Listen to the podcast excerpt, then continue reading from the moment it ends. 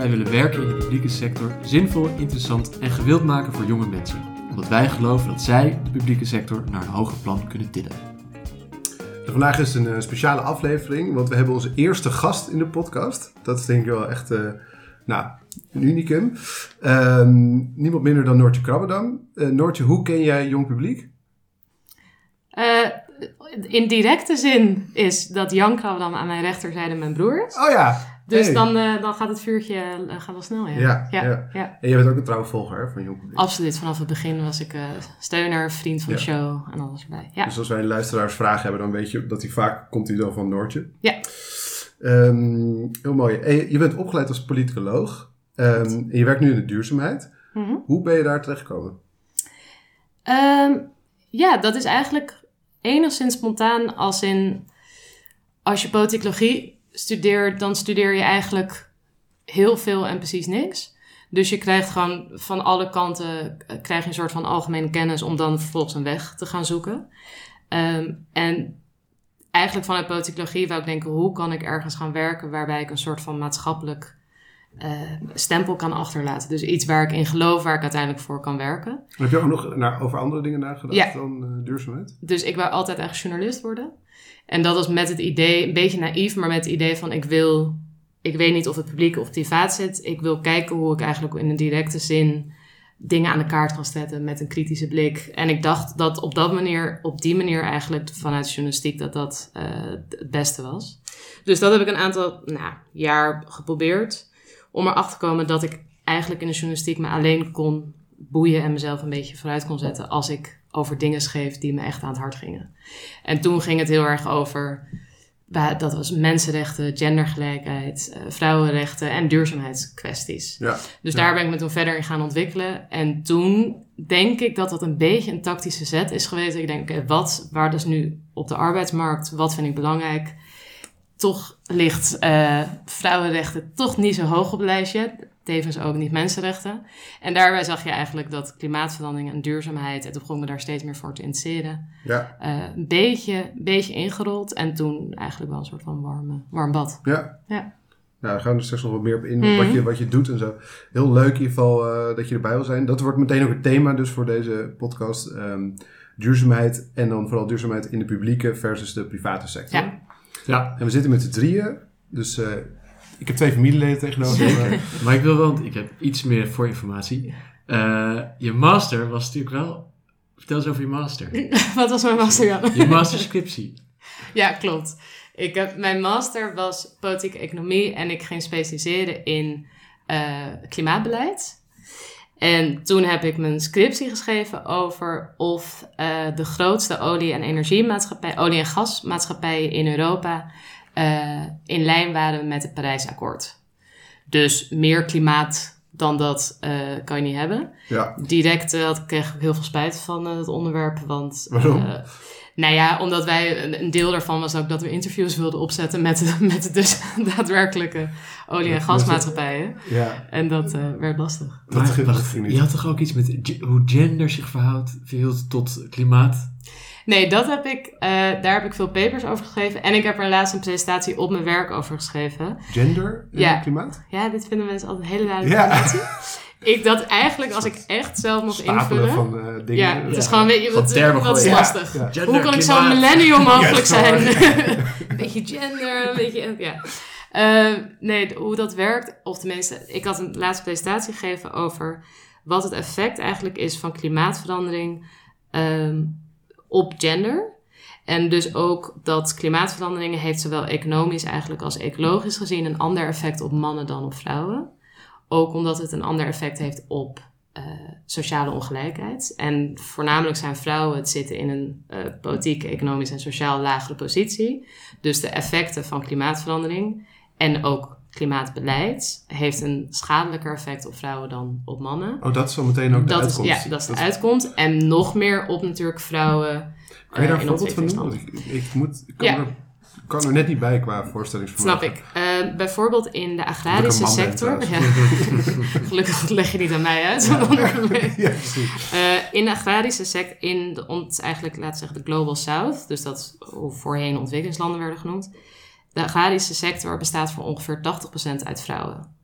De agrarische sector in die gebieden is ook bijvoorbeeld een sector die als eerste geraakt zal worden door klimaatverandering, omdat gewoon hele kustlijnen bijvoorbeeld uh, uh, veranderen, maar ook als, klimaat, als de temperatuur omhoog gaat, gaat het effect hebben op de oogst. Dus, dus zij voorspellen dat eigenlijk die hele sector wordt uh, benadeeld en ongeveer 80% van die sector bestaat uit vrouwen. Ik vind dat een bizar getal, ja. 80%. Ja. ja.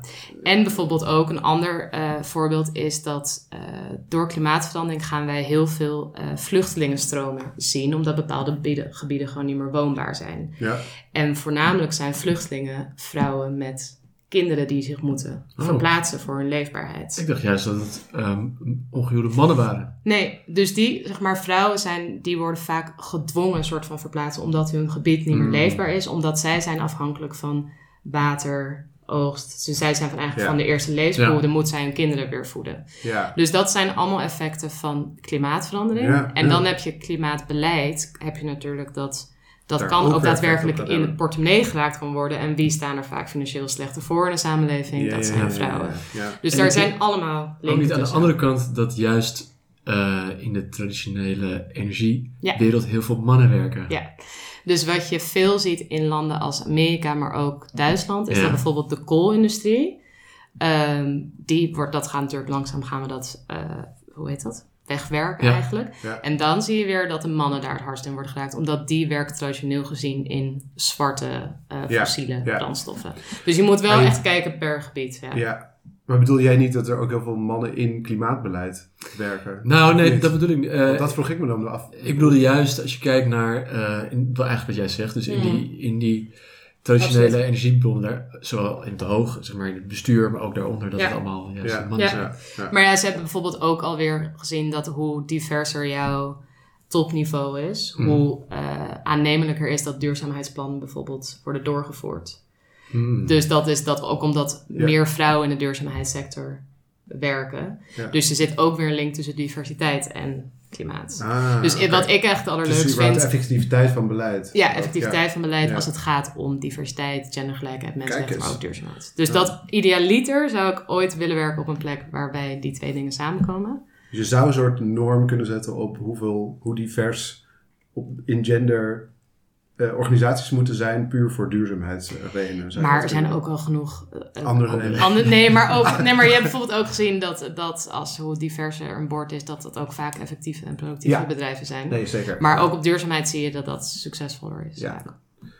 Ja, nee, precies. De vraag is alleen of je daar dan een regel aan moet hangen. Dat, het dat is weer een andere. Dat is een ander.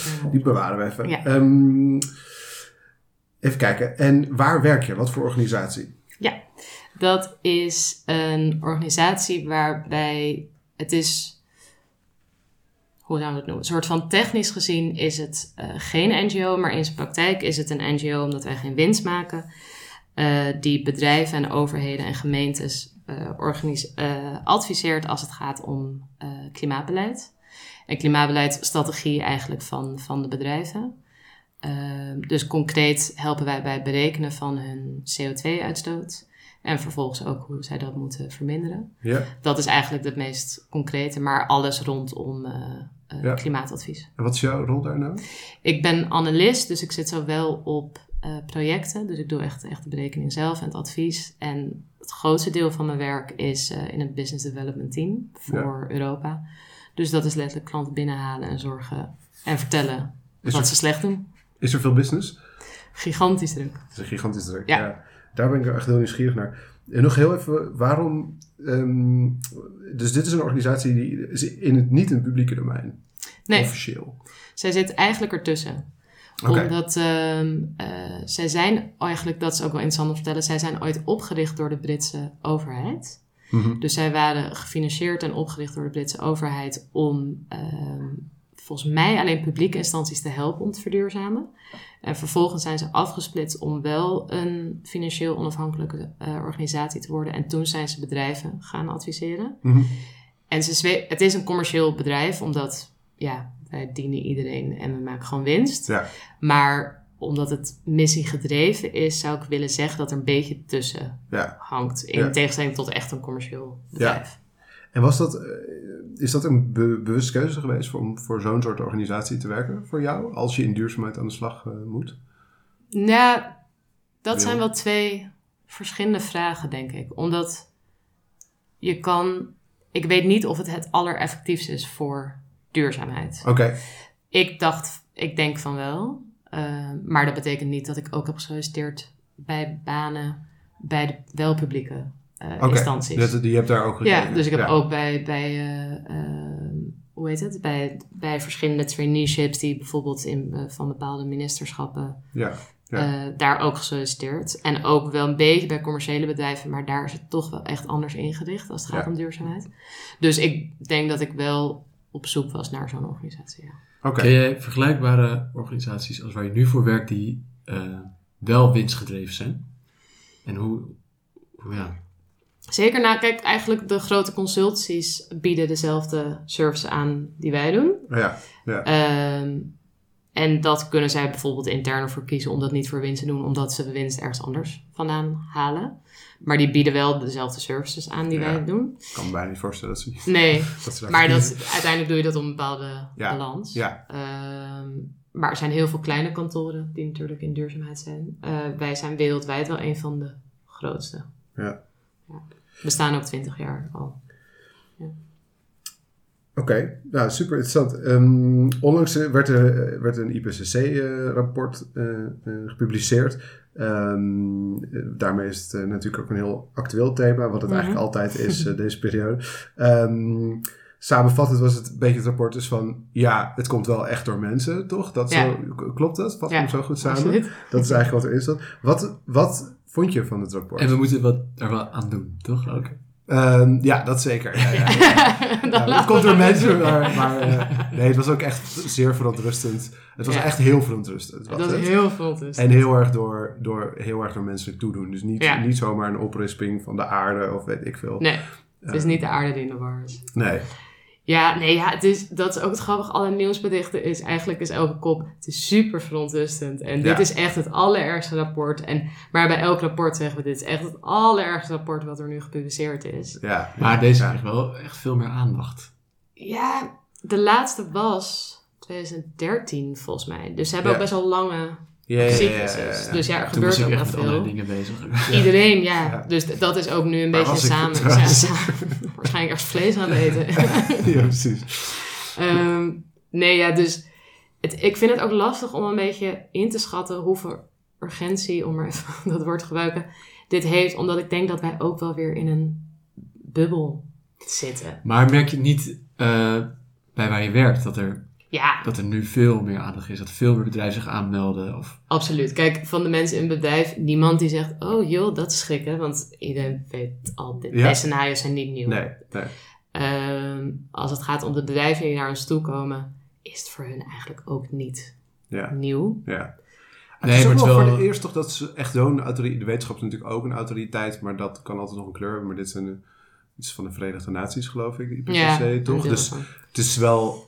Ja, Zeker, je wat, kan er niet omheen. Wat als, eh, zeker. En wat zij natuurlijk nu erin hebben gebouwd, is dat volgens mij, maar daar pin me daar niet vast, was het vroeger echt een wetenschappelijk rapport. En hebben Ja. ze er bijvoorbeeld nu ook advies aan beleidsmakers aan Ja. gekoppeld. Ja, er en dat is natuurlijk best uit ja, beleidssamenvatting van wat hebben we concreet nodig, waar, op welke sector.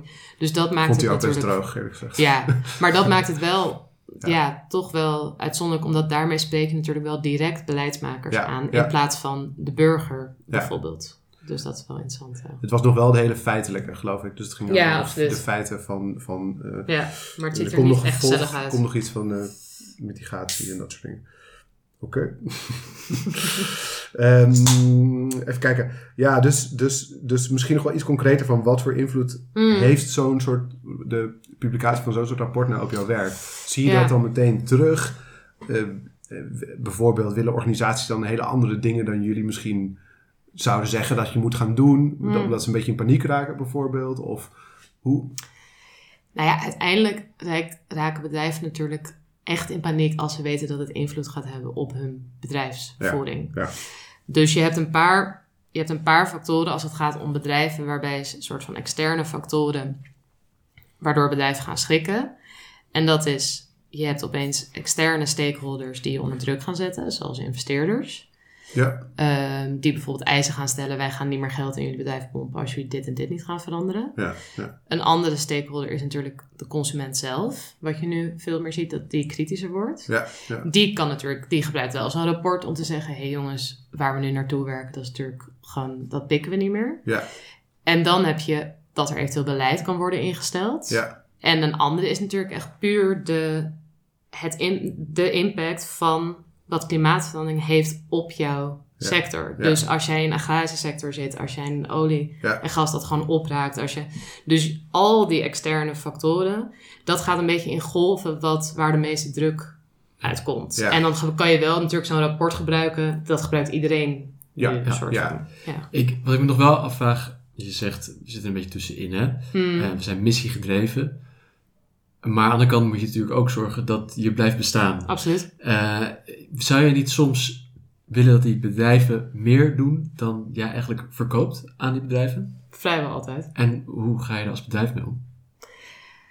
Ehm, je, eigenlijk is het onze taak om ze net ietsje verder te pushen dan dat zij zelf in de gaten hadden. Maar soms ook om ze een beetje terug te halen. Dus ook om te voorkomen dat zij zeggen: wij gaan dit reduceren in dit jaar. En dat wij zeggen: dat, dat moet je niet zeggen, want dat ga je niet halen. Dus daar zit ook weer een risico in. Oké. Ehm, Jullie denken echt met die organisatie ook mee. ja, we denken inderdaad mee van wat is haalbaar. Want vervolgens, als jij natuurlijk iets zegt wat jij niet haalt, Ja. dan krijg je ook weer van je investeerders en stakeholders eigenlijk Ja. heel veel kritiek. Ja. Dus het is niet, er, daar zit een soort van balans tussen. Ja. Eh, maar tuurlijk, wij, want wij, de- eigenlijk bij alle bedrijven denk je van jongens, kom op, zet nou even door. Maar wij zijn wel heel bewust wat, waar je allemaal intern mee Hmm. Maar wij weigeren bijvoorbeeld wel, als wij merken dat er klanten naar ons toe komen die puur alleen doen om dat groene vinkje te halen en Ja. dan de buitenwereld te communiceren. Kijk ons lekker groen zijn, want we hebben onze rietjes uit de productie gehaald. Ja. Dan zeggen wij, we gaan niet met jullie werken. Hm. Oké. Ja. Oké. En ehm, wat je zegt, die druk die komt van verschillende plekken. Dus Mhm. eh, kan, en dat komt eigenlijk in golven. Wat, wat, is, nu, wat is nu het meest voorkomend? En, en eh, wat zie je het meest terug? Mm, ik denk veel de druk van eh, directe concurrentie. Oké, Dus die, die wordt groen. ja, Ja, dus dat jij gewoon bij bent, gewoon zoals bijna elke ontwikkeling, als het op technologie is natuurlijk ook als een, als een Apple of een Google een nieuwe technologie heeft, dan en hetzelfde met, met duurzaamheid. Ja, dus ja. veel, eh, ja dus eigenlijk ook, eh, ook druk van concurrenten daarin. ja, Of ik bedoel, sorry, van consumenten. Ook van de consument. Want, ja. die, want die heeft een neiging om te gaan kopen bij iemand, bij Ja. een bedrijf wat groen Dat is. ook, absoluut. Of is dat ook iets waar ze anticiperend op willen zijn? Ja, dat denk ik ook wel. Ja. Dat ze denken, hoe gaan we ons zo aantrekkelijk mo- mogelijk maken? Ja, Alleen je kan je natuurlijk voor de buitenwereld heel aantrekkelijk maken. groen. Groen maken voor dat toch? Ja. Ja. Ja, Maar dat maken of voor dat te Gewoon, komen? Voor laten komen. Zeg je, dit, dit kan gerecycled worden. Ja, en dan gewoon Ja. niet uit, ja, Ja. en dan alsnog het probleem bij, bij de burger Ja, neerleggen. ja, ja. Dus dat is, ik denk dat dat, dat zien wij nu dat het een grote factor is. Maar ook wel, denk ik, beleid. Zeker bedrijven in Europa met de Ja. European Green Deal. Ja, Die weten gewoon eh, het beleid wat er, wat er nu aankomt, waar ze op, eigenlijk op willen voor zijn. Ja. dus anticiperend op het Ja. beleid eigenlijk. Oké. Ja. Ja, dus dat is wel bijzonder hè, dat, je dat, Mm. zo'n, dat dat zo'n sterke invloed heeft. natuurlijk, dat, dat denk ik wel voor de, is dat voor het eerst dat, we dat, soort, dat je zo'n soort beleidsdruk daarin ziet? Ja, het is natuurlijk, het is een beetje eigenlijk als je het vanuit beleid doet. Is, kijk, het, waar ik me altijd afvraag, is het een probleem als je het doet omdat je niet geraakt wil worden door eventueel een belasting die komt op jouw CO2? Ja, Of doe je het vanuit een soort van intrinsieke waarde dat je denkt, we moeten beter dan dit doen? ja. En waar ik altijd best wel vaak, ook wel benieuwd wat jullie over denken. Maakt het uit wat de beweegredenen zijn van zo'n bedrijf? Hetzelfde om diversiteit bijvoorbeeld ook. Ja, ik denk het eigenlijk niet. Ik denk het eigenlijk niet. Ik, weet, ik denk niet dat je organisaties kan dwingen om eh, dat als het ware bij hun kernwaarden te gaan zetten, dat ze duurzaam zijn. Nee. Eh, terwijl als ze die druk voelen vanaf andere plekken en ze worden dan duurzaam en dat is gewoon iets wat gebeurt, dan, eh, nee, dan lijkt me dat ook prima. Maar ze moeten wel, ze communiceren natuurlijk wel naar buiten, wat je op elke website ziet van het bedrijf. Duurzaamheid zit in onze kern van Ja, ja, ja. Wat natuurlijk dan eventueel niet klopt. Ja, ja. Is dat een probleem als je Dat zeg vind ik maar... ook wel een probleem, ja. ja. Maar Maar, dat, ja, zijn dat moet je nu zeggen, want je kan natuurlijk nooit op je website zeggen.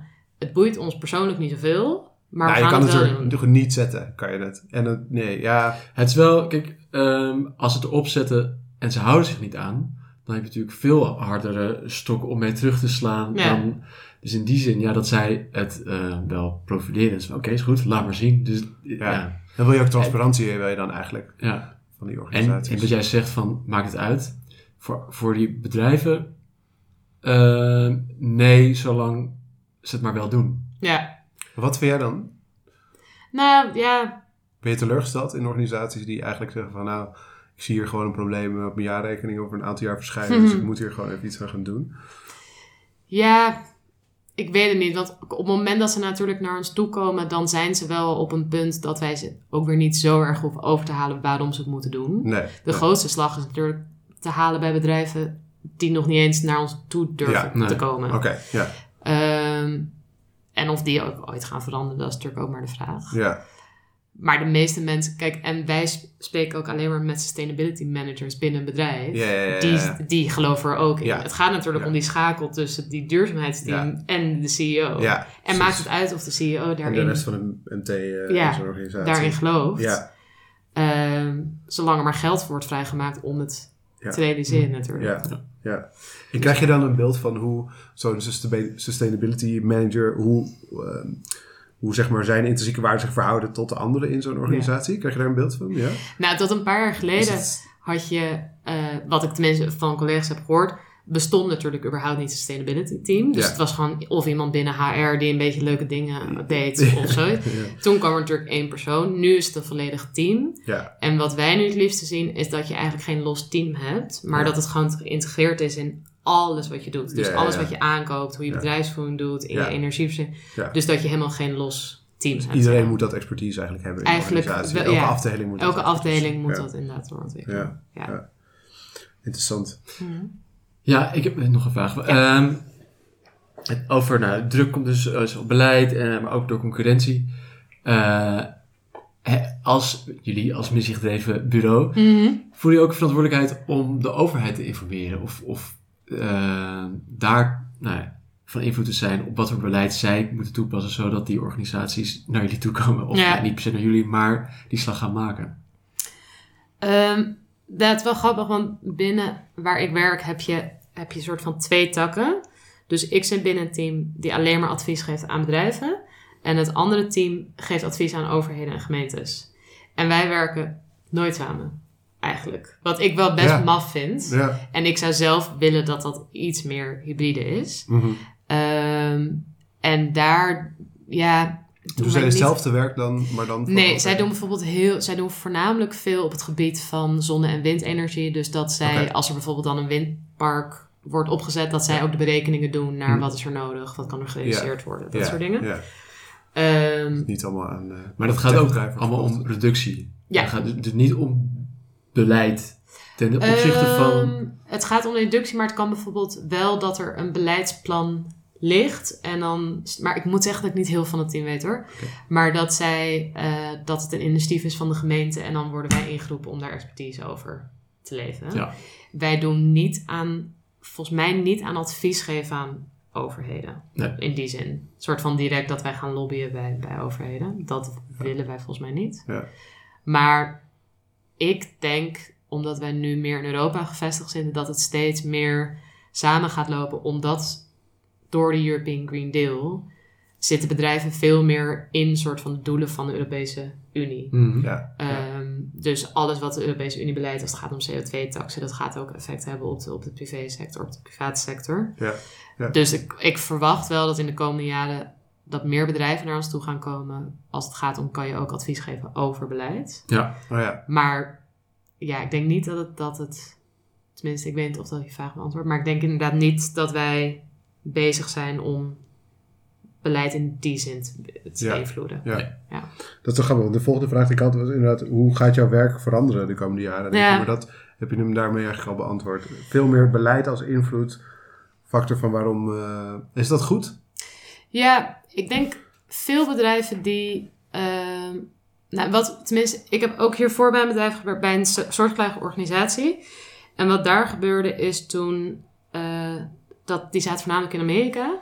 Toen eigenlijk Trump kwam, toen werd alle beleidsklimaat werd stopgezet. Ja, En toen zijn bedrijven op een, of andere grappige manier hebben gedacht van, weet je wat, wij gaan helemaal niet afhankelijk zijn wat het beleid is. Ja. Wij gaan gewoon veel ambitieuzer zijn, veel progressiever. Ja, ja, Dus dat gaf bijna een soort van boost. ja. Nu ja, gaan we een soort van los. Ja, Dus dat zag je dat het hele grote slagen maakte. ja, In Europa is natuurlijk privaat en publiek veel meer, heeft veel meer invloed op elkaar en samenwerking en niet zo st- strikt gescheiden. ja.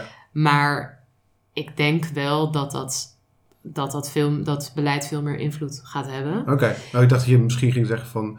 Er ontstaat een soort luiheid door beleid. Nou, dat van, is al. Oké, laat dat beleid dan maar spreken voor zich. Kijk, Eh, alles wat bedrijven de afgelopen jaar heeft gedaan, is niet op basis van, Van... van beleid.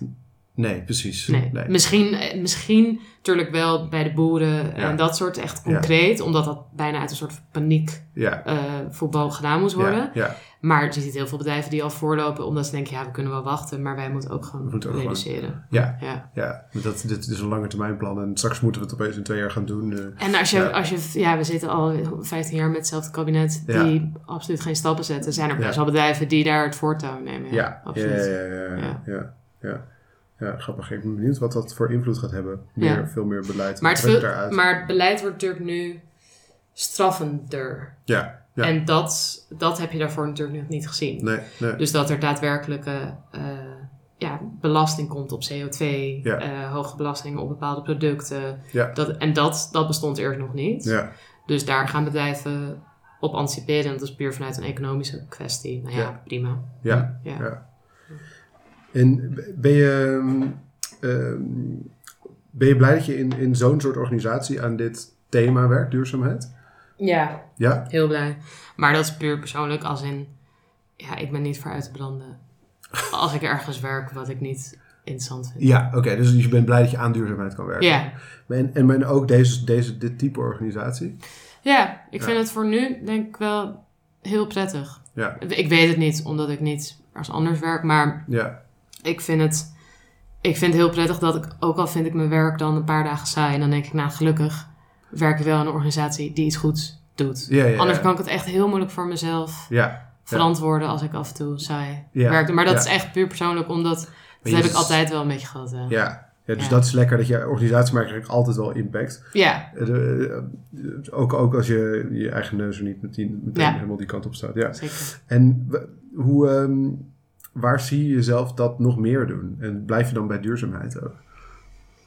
Ja, ik weet niet. Ik kan me nog voorstellen dat ik over een paar jaar, dat ik of toch wel de meer politieke kant op ga. Ja? Ja, Bij, bij een publieke organisatie dus? ja. Ook politiek, zeg, zeg je daarmee? Ja, ik heb ik, dat ik toch wel iets. Politieke ambities? Nou, dat is wel het uiteindelijke doel. Ja. Oh, oké, kijk. Nou, dat, dat moet je dat gewoon zeggen. moet Jan al jaren. eh, ik ben nooit, nooit bang om eh, ambities uit te spreken. Nee, maar ja, in een podcast is dat wel Ik, eh, nou, ik zeg het bij deze. In ieder geval, het plan was altijd om de eerste vrouwelijke burgemeester van Amsterdam te worden. Oh, Toen kwam Femke er even tussendoor gefietst. moest je natuurlijk voor Helemaal gender moest je toen net zeggen. Ja, precies. gender. Ze zeiden ook vroeger, nee, je lijkt altijd op Femke. Ik dacht, ah, nou, Ja. top. Eh, ik, eh, ik gun het haar van harte. Dus nu moet, ja, moet ik iets hoger de, hoger de hoge doelen. Dus nu wordt het Ja. de eerste vrouwelijke premier van Nederland. Dus hoe en wat, Oké, eh, hoe we daar komen, dat weet ik niet. ja, Maar ik weet wel wat, wat op de agenda komt staan. ja, Dus dat denk ik met een soort van, ik, ik weet niet of politiek, maar op een, een of andere manier wat, wat activistischer sluit ik niet uit. nee, nee. Maar ja, of je nou, of we echt stappen kunnen maken bij een politieke partij, ik hoop het. Ja, ja, Ehm, maar dat, het gaat ook heel traag. En dan moet je heel De- veel compromissen sluiten. Ja, ja, ja, heel veel compromissen sluiten. ja. Ehm, zoals je ook nu ziet, eigenlijk komen we geen meter verder. Tenzij iedereen er heel erg van overtuigd raakt, alle stemmers, dat dit echt moet gaan gebeuren. Ja, maar ja, wel, volgens mij zijn we de hele tijd wel overtuigd. Maar bij de laatste verkiezingen, eh, Niet iedereen. niet iedereen. Nee, nee, Nee. precies. Ja. Wat leuk. Nou, dat, is, Mhm.